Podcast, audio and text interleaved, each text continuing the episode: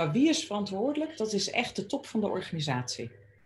Uh, learning and development gaat pas vliegen op het moment dat je de top van de organisatie mee hebt. En dat kan een eigenaar zijn, uh, dat kunnen leidinggevenden zijn, dat kunnen belangrijke keyplayers zijn. Uh, maar daar moet het echt gedragen worden. En dat is ook een van de vele valkuilen. dat organisaties het bij een LD professional neerleggen. Dit is de Growth Deep Dive podcast. Mijn naam is Jordi Bron, founder van growth hacking agency Red Panda Works. En wekelijks ga ik de diepte in met marketing, sales en business experts om van ze te leren. Dus ontdek razendsnel tips en tricks van de beste specialisten van Nederland. laten we snel beginnen. Yes, yes, yes. Welkom bij de Growth Deep Dive podcast. We gaan het hebben over L&D, oftewel Learning and Development. Een onderwerp waar ik graag meer over wil weten. Want ja, bij Red Panda Works ligt de verantwoordelijkheid van L&D, dus Learning and Development, ontwikkeling van de mensen dus, die ligt namelijk bij mij. Dus ik als founder moet ervoor zorgen dat alle growth hackers en growth managers constant beter worden, dat ze kennis opdoen, maar ook kennis delen met elkaar. En dit alles bespreek ik vandaag met Surani Heiniga. Surani, welkom. Dankjewel. Heel leuk om hier te zijn. Goed zo. Ja, Sirene, je bent uh, eigenaar van het Competentiehuis. En uh, ik, zat natuurlijk even op de website te kijken. En daar staat: jullie ontwikkelen mensen en daardoor organisaties door onbewust gedrag bewust te maken. En dat doe je voor hele grote namen. En dat is echt een megalijst wat ik zag staan. Ik zag bol.com, Belastingdienst, Rabobank, Exxon, ministerie van Defensie. En zo kan ik nog even doorgaan. Maar wat doe je daar nou precies? Ja, dat is heel wisselend. En als het gaat om onbewust gedrag bewust te maken, je kunt het op verschillende manieren doen. En meestal begint het met uh, goede keyplayers in je organisatie. Uh, goede keyplayers, dat kunnen leidinggevenden zijn of dat kunnen coaches zijn, maar in ieder geval mensen die erop gericht zijn om hetgene wat onbewust is bij mensen bewust te maken. Nou, en wat doe ik dan bij die grote spelers? Uh, voor het ministerie van Defensie heb ik diverse leiderschapsprogramma's gedaan. Um, voor bol.com heb ik diverse trainingsprogramma's uh, mede ontwikkeld en ook uitgevoerd. Um, en er zijn ook andere organisaties waarbij je helemaal meedenkt aan het ontwerp. Hoe moet nu de hele learning and development uh, poot eruit kunnen zien? Dus als het gaat nou ja, om het traject te ontwerpen, neer te zetten, maar ook om het te geven, een stuk toetsontwikkeling. Um, nou ja, dat zijn de vakgebieden waar ik mee bezig uh, ben. Ja, en dat uh, nog steeds met heel veel plezier. Ja, vanuit het ja. competentiehuis. Maar ik zag dat je ook nog wel wat andere uh, bedrijven. En volgens mij is dat een freelance werk, als ik dat zo moet inschatten. Ja, dat klopt. Ja, Oftewel, je bent ook gewoon los in te huren als freelancer. En dan, ja, dat klopt. Dan ben je ook langere tijd bij een bedrijf binnen. Is dat het verschil? Ja, dat is het verschil. De ene keer dan word je binnengehaald om mee te denken met het ontwerp en dan wil een klant heel veel zelf doen.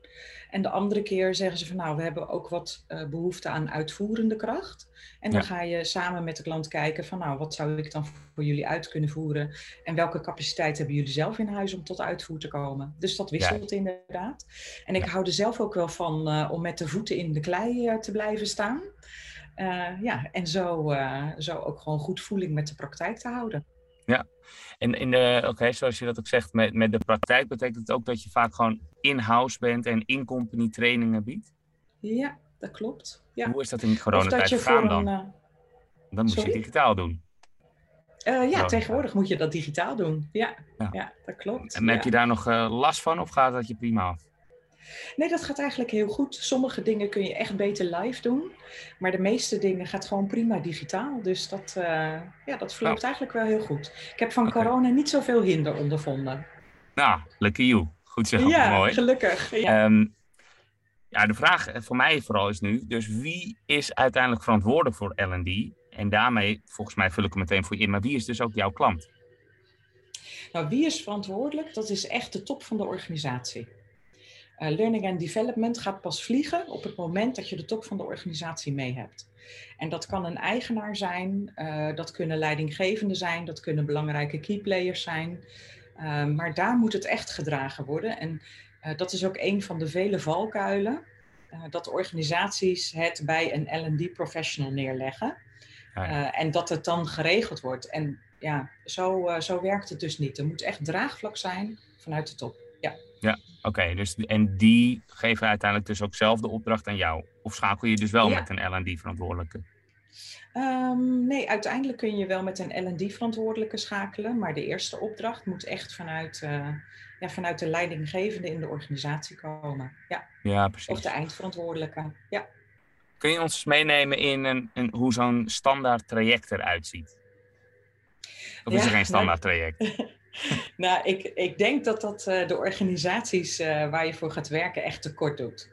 En je hebt een, een standaard fase van inventariseren, ontwerpen, uitvoeren. Nou, die zal iedere consultant of trainer die zal dat herkennen. En jullie zullen waarschijnlijk ook volgens die principes werken. Ja. Um, en verder hangt het heel erg af. Hoe groot is je organisatie? Wat is je klantwaardestrategie? Wat voor cultuur heb je in een organisatie? Dus ja, om dat nu even in een standaard traject te gieten, dat, dat, dat is echt heel lastig. Ja. Eh, Want hoe doen, jullie dat, uh, hoe doen jullie dat bijvoorbeeld? Nou, wij hebben ook wel ongeveer die drie fases. Waarbij we in eerste instantie uh, een, een growth plan opstellen, zoals wij dat noemen. Oftewel de strategie met elkaar bepalen. En dat is eigenlijk de inventarisatiefase. Vervolgens is het ook de basis neerzetten. Dus uh, de analytics en de website en uh, alles moet gewoon goed staan. En inderdaad daarna ook gewoon executie en uitrol van activiteiten. Veelal marketing, maar ook salesoptimalisatie. Dus in die zin herken ik wel die drie fases.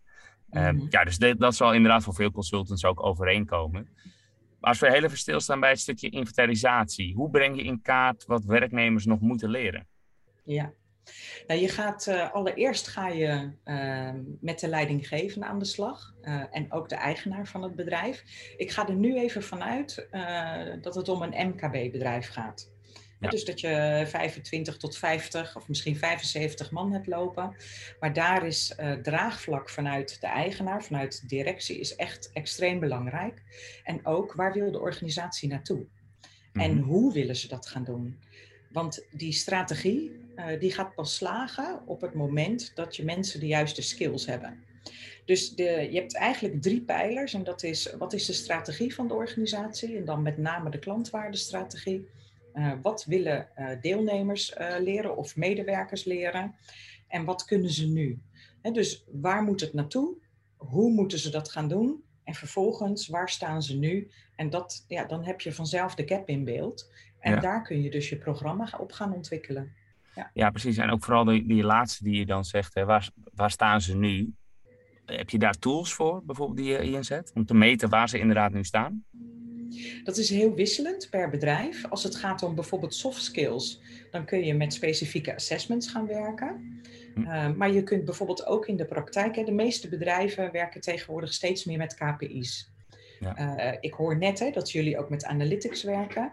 Dus dat betekent dat je kunt gaan kijken, oké, okay, hoe scoren de KPI's? Welke analyses hebben we daaraan voor liggen? Uh, en wat kunnen we daarmee om dat om te zetten naar bepaalde kennis in de Learning and Development Program? Ja. Dus heel goed kijken wat er in de praktijk gebeurt, is een van de belangrijkste punten. Ja, ja.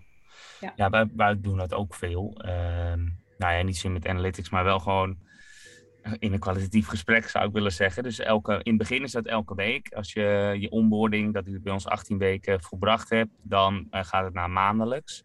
Uh, en dan brengen we inderdaad in kaart, en dat is dan wel op gevoel, daarom vraag ik er ook naar, maar van waar ben je momenteel goed in? Nou, dat ja. laten we zo. Tuurlijk, je wordt er automatisch nog een beetje beter in als je het maar genoeg doet. Maar we ja. brengen vooral de onvoldoendes of de krappe voldoendes in kaart. En, om daar een 7 of een 8 van te maken. Maar ja. dat moet diegene ook vaak gewoon zelf aangeven. Die weet dat uiteindelijk het beste. En dat hebben we dan niet helemaal in assessments gegoten. Dus dat gaat gewoon puur op gesprek. Doen we één keer per mm -hmm. maand zo'n uh, gesprek. En dan gaan we er ook bij kijken. Hoe kunnen we er dan voor zorgen dat je dit wel uh, beter gaat doen?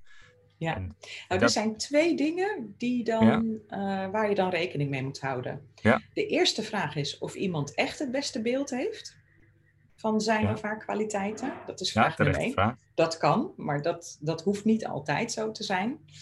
En het tweede is dat, je, um, dat het dan ook mijn interesse heeft. Ga je iets van iemand vragen wat in iemands potentieel ligt, maar wat nog verder ontwikkeld moet worden? Of ga je iets aan iemand vragen um, wat zeg maar aangeleerd gedrag gaat worden? Dus wat van nature niet in iemands systeem zit. Ja. En het lastige is dat als de minder goede punten niet in de natuurlijke aanleg zitten en je gaat het wel van zo'n persoon vragen, dan gaat het heel veel energie kosten. Het gaat heel weinig opleveren. Het is gewoon knetterhard werken. En de vraag is, hoe eerlijk is het naar de medewerker toe en hoe eerlijk is het naar de organisatie toe?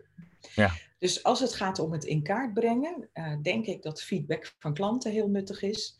Maar ook bijvoorbeeld feedback van uh, buddies, uh, van leidinggevenden.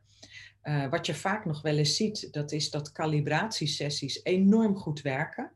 Want als een leidinggevende langer met een team werkt, um, dus als het langer is dan anderhalf jaar, dan zie je dat zo'n team de leidinggevende gaat spiegelen. En dat ze met elkaar in een working mode komen. En dat betekent dat je vanaf dat moment vaak geen helder beeld meer hebt van wat iemand nou echt moet leren. En in zo'n calibratiesessie kun je bijvoorbeeld belangrijke keyplayers, leidinggevenden, die kun je samenzetten. En dan gaan ze dus over elkaars collega's sparren wat gaat goed, wat gaat minder goed. En het mooie daarvan is, hè, tegenwoordig werken organisaties steeds meer uh, in projecten. En dat betekent dus dat je ook uh, tussen afdelingen een steeds betere samenwerking moet hebben. Mm -hmm. En iemand kan bijvoorbeeld op de eigen afdeling uh, hartstikke goed gedrag laten zien en voldoende inhoudelijke kennis hebben. Maar bijvoorbeeld in de projecten die met andere afdelingen worden gedaan, net even wat minder uit de verf komen. Ja. En dat heb je dan ook met zo'n sessie te pakken. Ja. Juist. Um, waar een ander probleem. Ik leg je gewoon even allemaal ja, problemen kom maar door, voor. kom maar door. Maar, ja. Dit volg ik, maar een andere, ja. want wij hebben ook wel eens, we noemen het geen calibratiesessie, maar zo'n uh, 360 graden sessie. Dat doen we elk jaar. Ja. Uh, om elkaar ook een feedback te geven. Ja. En dat doen we dan met een tooltje dat heet Crystal Nose. En dan geven we elkaar uh, kan je duimpjes geven als je het uh, dus met uh, de test, onderdelen van zo'n test eens bent. Nou, dat geeft op zich wel een leuk ja. inzicht hoe anderen dus over die test denken. Dus dat is wel een goede. Um, en vervolgens gaan we dat natuurlijk ook proberen door te voeren. Dus ook zo brengen we je soft skills in kaart. Eigenlijk meer karaktereigenschappen zijn het eigenlijk iets meer. Maar als we dan proberen tijd te maken, dat zou jij ook ongetwijfeld vaak horen, van oké, okay, we gaan nu tijd stoppen in je ontwikkeling dan is men altijd te druk. Dus het staat nooit ja. bovenaan de, de, de to-do-lijst. Ja, ja. Hoe ga je ja. daarmee om? Nou, um, twee dingen. Um, mensen kunnen. Um, even, je hebt heel veel modellen om mensen te duiden. Maar bij dit vraagstuk vind ik het handig om te denken in taakgericht en mensgericht. En wanneer mensen voornamelijk taakgericht zijn, dan zie je dat de persoonlijke ontwikkeling erbij inschiet. Als mm-hmm. mensen uh, mensgericht zijn, dan zie je vaak dat de taak uh, nog wel eens te kosten kan gaan van de persoonlijke ontwikkeling. Dus die balans voor ogen houden, die is echt heel belangrijk. Je moet het ja. echt prioriteit maken. Mm-hmm. En um, daarna, hè, kijk, um, ik ben van mening dat als je mensen uh, elkaar feedback gaat laten geven, uh, en ik denk ook dat dat de waarde is om een externe met je mee te laten kijken, ja. Um, vaak ligt er iets heel anders aan het gedrag ten grondslag uh, dan wat we denken. En juist door er zeg maar achter te komen wat er nu werkelijk aan ten grondslag ligt. En daarvoor heb je vaak iemand nodig uh, wiens vakgebied het gewoon is. Ja. Um, kun je veel effectievere interventies uh, inzetten. En het verzandt ook vaak omdat de analyse onvoldoende scherp is gedaan. Ja. Dus best wel analyse... een vak, ja, dat, dat geloof ik, dat, daar loop ik dus ook al tegenaan. Dat merk je dus ook, ja. daarom allemaal problemen. Maar um, ja. ja, ik, ik, twijfel er niet aan dat, dat jij inderdaad van toegevoegde waarde bent uh, daar. Uh. En je zei vooral voor MKB-bedrijven. Uh, tenminste, je hebt op je lijstje... Daar ga ik nu LinkedIn. even vanuit. Ja, ja. Maar, maar heb je dan nog een verschillende aanpak? Ik zou het bij ons, wij zitten nu met 20, 20 mensen. Het begint echt te leven, zoals je merkt. Ik doe het nu nog zelf. Ja. Hoe anders is het bij een klein bedrijf dan bij een groot bedrijf? Nou, bij een klein bedrijf, uh, daar wil je het volledige topmanagement aanhaken. Of dat nu een eigenaar is of een aantal, uh, of aantal mensen, die moeten dat echt gaan dragen, die moeten dat speerpunt maken. En daarnaast probeer je ook zoveel mogelijk medewerkers te betrekken. Bij de grotere bedrijven, dan ga je uh, afhankelijk van de verschillende doelgroepen binnen een bedrijf, ga je bijvoorbeeld interviews houden of een enquête uitzetten. En dan ga je wel een aantal mensen betrekken, die zou je in een werkgroep kunnen nemen. Maar dan is dat significant kleiner uh, qua aantal, hè, qua percentage, ten opzichte van een kleine bedrijf. Ja. ja. Bij een kleine bedrijf ga je gewoon proberen. Uh, kijk, je vroeg mij ook hè, uh, in een eerder stadium, wat zijn nou de valkuilen bij learning and development uh, trajecten? Ja. En één belangrijke valkuil is dat um, als het topmanagement het niet draagt, hè, dus um, als er geen prioriteit aan wordt gegeven, uh, een valkuil is ook dat mensen onvoldoende worden betrokken. En mensen vinden, als je gaat kijken naar de verschillende leeftijdscategorieën, leren en ontwikkelen is altijd iets wat, wat mensen bindt. Uh, dus betrek ze er daar dan ook bij, zodat ze invloed hebben op het programma. Ja. Um, dus dat zijn echt hele belangrijke dingen om te doen. En zeker als je een kleine organisatie bent, uh, laat mensen meedenken. Ja. ja. En heeft um, Learning... Ja, ik kan, ik kan me voorstellen antwoord ja. Het is een slechte vraag, maar toch um, ga ik me stellen. Heeft, ga maar stellen. Hoe anders is uh, Learning and Development bij, bij nieuw hires? En hoeveel meer tijd moet je daarvoor reserveren? Nou, ik geloof dat je bij new hires, dat je, ehm, ja, ik noem het zelf altijd een blokkendoos. Denk in een blokkendoos. Um, en maak, um, uh, als je je onboardingsprogramma maakt, maak een algemeen programma wat iedereen moet doorlopen. He, dus mensen komen binnen, wat moeten ze dan allemaal weten? Dat stop je in het algemene blok. Ja. Daarna zie je vaak dat er verschillende bloedgroepen in een organisatie ontstaan. Je hebt mhm. bijvoorbeeld uh, de technische, uh, degene die technisch inhoudelijk bezig is. Uh, je hebt iemand die veel meer commercieel bezig is. En dat betekent dus dat je op dat algemene blok van je onboarding ga je verschillende deelblokken bouwen. Afhankelijk van waar die new hire binnenkomt. En mhm. dat is, dat is echt laagje voor laagje ga je dat opbouwen. En ook ja. bijstellen in de praktijk. Ja, ja oké. En dan uiteraard moet je ook meer één op eens hebben met uh, nieuw hire. Ja, ja. Eerste Heb dag, jij daar een richtlijn dag. voor? Ja, daar kwam die al. Eerste dag, okay. zevende dag, dertigste dag, zestigste dag, negentigste dag. Oh, dat vind ik best wel weinig. Wij hebben dat uh, wekelijks in het begin. Ja, nou perfect. Hou dat er gewoon in. Ja, ja nou, dat gaat ook best wel goed. Dus we kijken gewoon, oké, okay, op de maandag of anders dinsdag kijken, oké, wat heb je afgelopen week gedaan? En wat is het thema voor deze week? Heb je daar hulp bij nodig? Waar loop je waarschijnlijk tegenaan? Uh, zodat ja. je die week weer door kan. En dan evalueren we die week daarna weer, zodat er echt een hoog tempo in komt. En in het begin mikken we op 80% leren, 20% uh, in de praktijk toetsen van wat je geleerd hebt. Dat ja. moet na een maand na je proeftijd, wordt dat ongeveer 50-50. En daarna wordt het 80-20, als in 80% uitvoeren en nog 20% leren. En dat blijft het mm. ook. Dus je bent okay. altijd één volle dag per week aan het leren. Omdat, ja, wij zijn ook een soort van consultants. We moeten gewoon altijd voorop blijven lopen. En volgens mij is dat, is dat heel uh, ruim genomen. En natuurlijk ben je dan minder billable en lijkt het heel erg duur. Maar ik denk wel dat dat gewoon, uh, gewoon de key is. Heb je daar ook richtlijnen voor? Of 10% of 20%? Of schrik je daar niet van? Is het helemaal niet zoveel?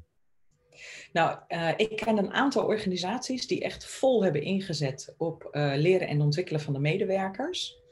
Um, en 20%, dus één dag per week, is echt een hele goede om aan te houden. En zeker als je een consultancybureau bent, hè, wat je zegt, je wil voorop blijven lopen. En dat betekent dat je mensen de ruimte moeten krijgen om daaraan te kunnen werken. Ja. Dus die 20%, dat vind ik echt een hele goede. Als je gaat kijken naar um, andere organisaties, hè, op het moment dat je geen consultancybureau hebt, maar dat het bijvoorbeeld um, nou, een bedrijf is wat, wat echt een product maakt of uh, moet uitleveren, uh, dan zie je vaak dat leren en ontwikkelen veel minder op de agenda staat. Oh ja, ja. logisch. Ja. Kijk, ja. ik ben er voorstander van dat iedereen elke dag wat leert in de praktijk. Maar ja, dat komt omdat ik bevooroordeeld ben natuurlijk. Hè? Ja. Ja, ja. ja, ja. Ik heb ook nog een, uh, een drietal stellingen. En die, uh, de, ja. juist omdat je ook bevooroordeeld bent, denk ik dat ik wel uh, een richting kan bepalen. Je antwoorden alvast een beetje kan inschatten. Maar je mag alleen met eens of oneens reageren. Na de derde stelling ga, mag je dat uitleggen en ja, nuanceren. Klaar voor de eerste? Ja, kom maar. Right. Um, er wordt te weinig geld beschikbaar gesteld voor L&D. Eens. dat kon ik inderdaad ook wel uh, invullen. Straks uh, vragen uitleggen hoeveel dan en daar gaan we het zo over, over hebben. Um, de founder is de aangewezen persoon om L&D te coördineren bij medewerkers van MKB. Uh, eens. Oké, okay, voel me aangesproken.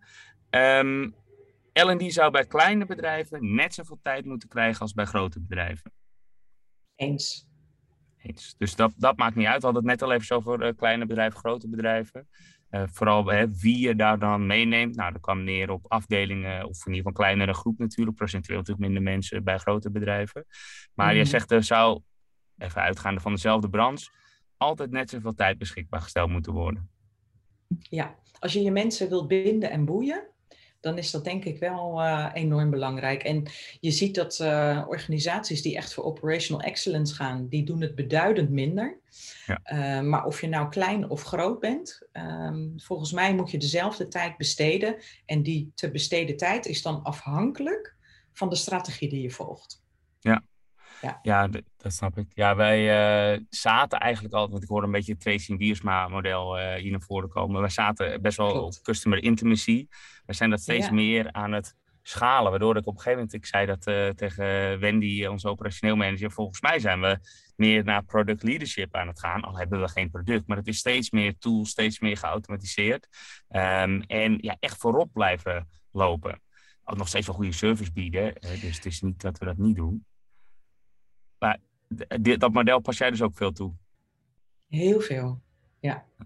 Want dat model, dat bepaalt je cultuur en dat bepaalt je proces. En dat bepaalt dus ook het type mens wat je in je organisatie wil hebben.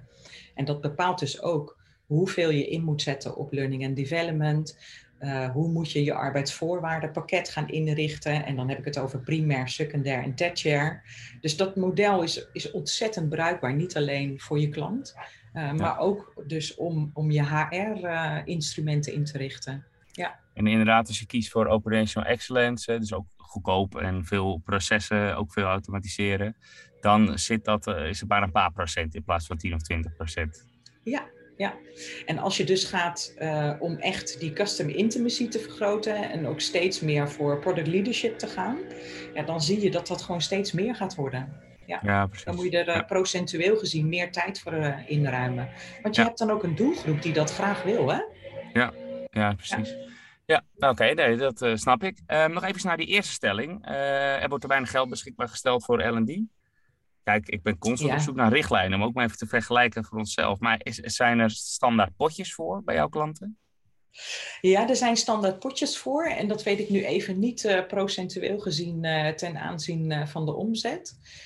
maar ik zie vaak dat bij de bedrijven waarbij leren en ontwikkelen wat minder op, op de radar staat, dan is het een, een potje van 1000 euro per medewerker. En hoe meer per jaar, ja, en hoe meer het op het netvlies staat, ja, dan gaat het naar 2000 en soms zelfs wel 5000 euro per medewerker per jaar. ja. ja. En waar gaat dat dan naartoe, dat geld? Uh, dat gaat naar uh, leerinterventies, maar ook, uh, kijk, waar ik heilig in geloof, dat is dat mensen van elkaar kunnen leren. Uh, dus als mensen mij vragen van, nou, wat is nou een hele slimme interventie? Dan zeg ik van, joh, ga pizza-sessies organiseren en laat mensen die een bepaald succes hebben geboekt, en dat hoeven echt niet altijd de briljantjes in je organisatie te zijn, maar laat de mensen die op een bepaald gebied een succes hebben geboekt, laat hen uh, vertellen hoe ze dat hebben gedaan. En laat vragen stellen, maak het informeel. Dat is echt de beste manier om te zorgen dat succes zich gewoon zo als een olievlek door je organisatie verspreidt. Ja, ja, ja goeie. Ja, wij doen, ook dat doen we wel op, op een manier. We hebben telkens, doen we wel een soort van, merk ik, maar geven we net even een andere draai. Maar ik, ik vermoed ja, dat we op een goede toch? weg zijn. Maar, um, ja. ja. nog even over de tweede stelling tot slot. Dat was de founder is de aangewezen persoon om L&D te coördineren. En dan vooral voor het MKB lijkt me dat uh, relevant. Daar was je het mee eens. Ja, klopt. En dan ben ik er wel van uitgegaan dat die persoon ook in de dag, dagelijkse praktijk van de organisatie werkt. Ah, ja. Want als dat niet zo is, dan moet degene die daarna uh, zeg maar eindverantwoordelijk is en die meewerkt in de, in de dagelijkse praktijk, die moet verantwoordelijk zijn. Want ah, ja. wat je vaak ziet, hè, dat is dat als um, learning and development wordt een, een kunstje wordt van een uh, specialist, uh, je hebt gewoon onvoldoende draagvlak. Dat lukt gewoon niet. Ja. ja. Nee, precies. Oké, maar dan zou je zeggen, in ons geval, ik ben niet operationeel uh, betrokken. Dus dan, En mhm. Wendy wel, zij is operationeel manager, heeft ook eigen klanten. Dus Wendy zou dan moeten coördineren. En, dan vul ik hem eventjes voor jou in. Het is een zin naar je hart, maar dan het liefst ook met een externe ernaast. Dat zou ik uh, op regelmatige basis doen, ja. ja. Hoe ziet zo'n traject er dan uit als het regelmatig is? Wat, wat, wat gaan we dan doen? Um, nou, dat ligt eraan wat je zelf wil doen en wat je wil uitbesteden. Je kunt een externe kun je aanhaken uh, om te bevragen van maak ik hier nu de juiste analyses, analyses en zet ik de juiste vervolgstappen. En dan gebruik je zo iemand vooral om je eigen kader te toetsen en dan blijf je zelf voornamelijk in de uitvoer. En als je zegt van, nou, we hebben nog wel een aantal ingewikkelde speerpunten, dan kun je ook zeggen van, uh, ga ons helpen om bijvoorbeeld een werkgroep uh, te leiden. Of uh, help ons mede om die analyse te maken. Juist. Ja, dus daar varieert het dan uh, voornamelijk in. Het begint altijd wel met een startgesprek waarin jullie aangeven wat jullie, uh, wat jullie wensen zijn en waar het naartoe moet. En dan samen met de klant ga je gewoon kijken van nou, wat kunnen ze zelf en welke support gaat een externe bieden. Ja. ja. En stel nou dat we dat in het begin zelf zouden willen doen, dan zou jij ook de, ons kunnen begeleiden in plaats van de gesprekken zelf te doen. Ja, ja. Oké, dus dat doe je dus ook wel eens. Dan wordt het een soort uh, coach de coach of trainer-trainer. weet, je, weet je, die, uh, die invalshoek. Kijk, het is voor organisaties vaak gewoon super leuk om het zelf te doen. Hè, dus alles wat je zelf kan doen, ja, doe dat, uh, doe dat in eigen beheer. Ja, juist. Ja, cool. Um, ja, wij zijn natuurlijk gek op tools. Nou gebruiken wij ook al tools voor het meten. Dat is eigenlijk meer van de INPS, de Employee uh, NPS Score. Hoe tevreden zijn mensen, zitten ze goed in hun vel. Daar gebruiken wij Office Vibe voor. Ja. Heb jij tooltjes die, ken je die toevallig, Office Vibe? Ik ken Office Vibe een beetje. Alleen ik denk wel dat ik aan de andere kant uh, van het spectrum zit. Kijk, vooropgesteld, ik hou van tools. In mijn eigen werk werk ik heel veel met tools. Alleen wat ik vaak zie binnen learning and development, dat is dat de tool de hoofdtoon gaat voeren. Ja. En ik heb te vaak gezien dat als uh, leren en ontwikkelen niet in het DNA van je organisatie en dus in het DNA van de key players zitten, dan kun je tools inzetten uh, nou, totdat je een ons weegt, maar geen enkele tool gaat echt geven wat je nou wil. Nee. En je had me ook gevraagd, hè, zo van, wat, is nou, wat zijn nou een aantal tips? Ja. En uh, ik, zou, ik zou ondernemers willen meegeven, investeer vanaf het begin in je mensen uh, door, je, door, ze, door je voor hen te interesseren. Dus mhm. heb oprechte interesse. Waar staan ze? Wat hebben ze nodig? Wat drijft ze? Uh, dus die interesse, combineer dat ook met een stukje duidelijkheid over wanneer is het goed en wanneer is het niet goed. Ja. Als je dat namelijk gaat doen, daar kan geen tool tegenop. En wat er dan gebeurt, dat is Ehm, je gaat dan vanzelf de patronen in je organisatie ontdekken van hé, hey, wat werkt voor ons? Waar, waar voelen wij ons prettig bij? En op het moment dat je die patronen hebt ontdekt, dan kun je zeggen van nou, nu gaan we daar een tool bij zoeken. En dan mhm. een tool die niet alleen past bij het patroon in onze organisatie, maar bijvoorbeeld ook bij de volgende fase waar we naartoe willen met de organisatie, de mensen en learning and development. Ja. ja. Juist, dus oké, nou, ik wilde, we moeten ook een beetje gaan afronden, maar ik wilde altijd als laatste vraag ook nog stellen, uh, de ultieme tip. Nou, die heb je bij deze al gegeven en dat is interesseer en stel veel vragen. Heb je dan ook nog voorbeelden? Welke vragen zou ik nu kunnen meenemen en zeg, jongen, ik, ik zit zo lekker hier het gesprek met jou te voeren. en dan gooi ik er een vraag in, bijvoorbeeld. Um, ik zou je vooral willen adviseren, ga heel goed luisteren. Ja. Ga gewoon vragen, wat gaat goed, wat gaat minder goed, waar krijg je energie van, waar krijg je geen energie van. En ga op basis daarvan uh, ga kijken hoe kan ik mijn mensen beter inzetten. En ik merk dat veel ondernemers vaak, uh, uh, nou, hè, moet even misschien een beetje plat te zeggen, heel goed gebekt zijn. Mhm. Maar je hebt twee oren en je hebt één mond. En in die verhouding moet je ze gebruiken als het op dit gebied is. Ja, ja, ja, ja. ja. Oké, mooi. Ja, dat is uh, mooi gesproken. Dat, zijn, uh, ja. dat is een hele mooie afsluiter. En daar, we moeten ook echt gaan afsluiten. Want we zitten aan de tijd. Um, ja. ja, ik, ben, uh, ik heb weer wat geleerd. Dat, dat is het hoofddoel eigenlijk van, van deze podcast. en ik hoop dat de luisteraars natuurlijk ook nog even mooi bijvangst. Ook nog eventjes wat ervan van leren. ja, ik ga dit in eerste instantie even proberen toe te passen. twee keer zoveel luisteren als praten. En nou, ik moet mezelf nog wel even afvragen of ik inderdaad dan de aangewezen persoon ben bij ons. Omdat ik dus niet operationeel betrokken ben. Daar heb je me ook in bakken geschud. En ik sluit niet uit dat ik binnenkort jou een belletje geef en zeg trainer, trainer. Of kom misschien inderdaad maar helemaal bij ons meedoen. Leuk. Dat zou zo ja. kunnen. Voor nu ga wil eerst ik maar gewoon lekker aan de slag. Ja. ga eerst inderdaad even proberen en kijken hoe ver we komen. Um, ja goed, ik wil je voor nu onwijs bedanken voor deze nuttige insights. Ja, goed zo. Graag gedaan en voor nu nog hartstikke mooie dag. Yes, hetzelfde. Doei. Goed zo, doeg. Bye.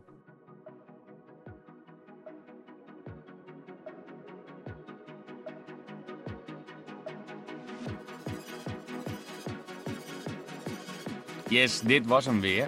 Hopelijk was deze aflevering weer leerzaam, zodat jij een nog betere growth hacker wordt. Heb je zelf ideeën voor onderwerpen of wil je zelf de gast zijn als expert?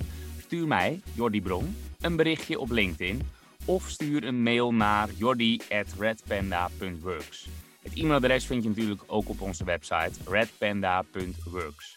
Ik wil je dan nog iets vragen en dat is om een eerlijke review te geven. Voor growth hackers is het namelijk super belangrijk om feedback en daarmee data te verzamelen. Dus ben ik benieuwd wat jij van deze podcast vindt.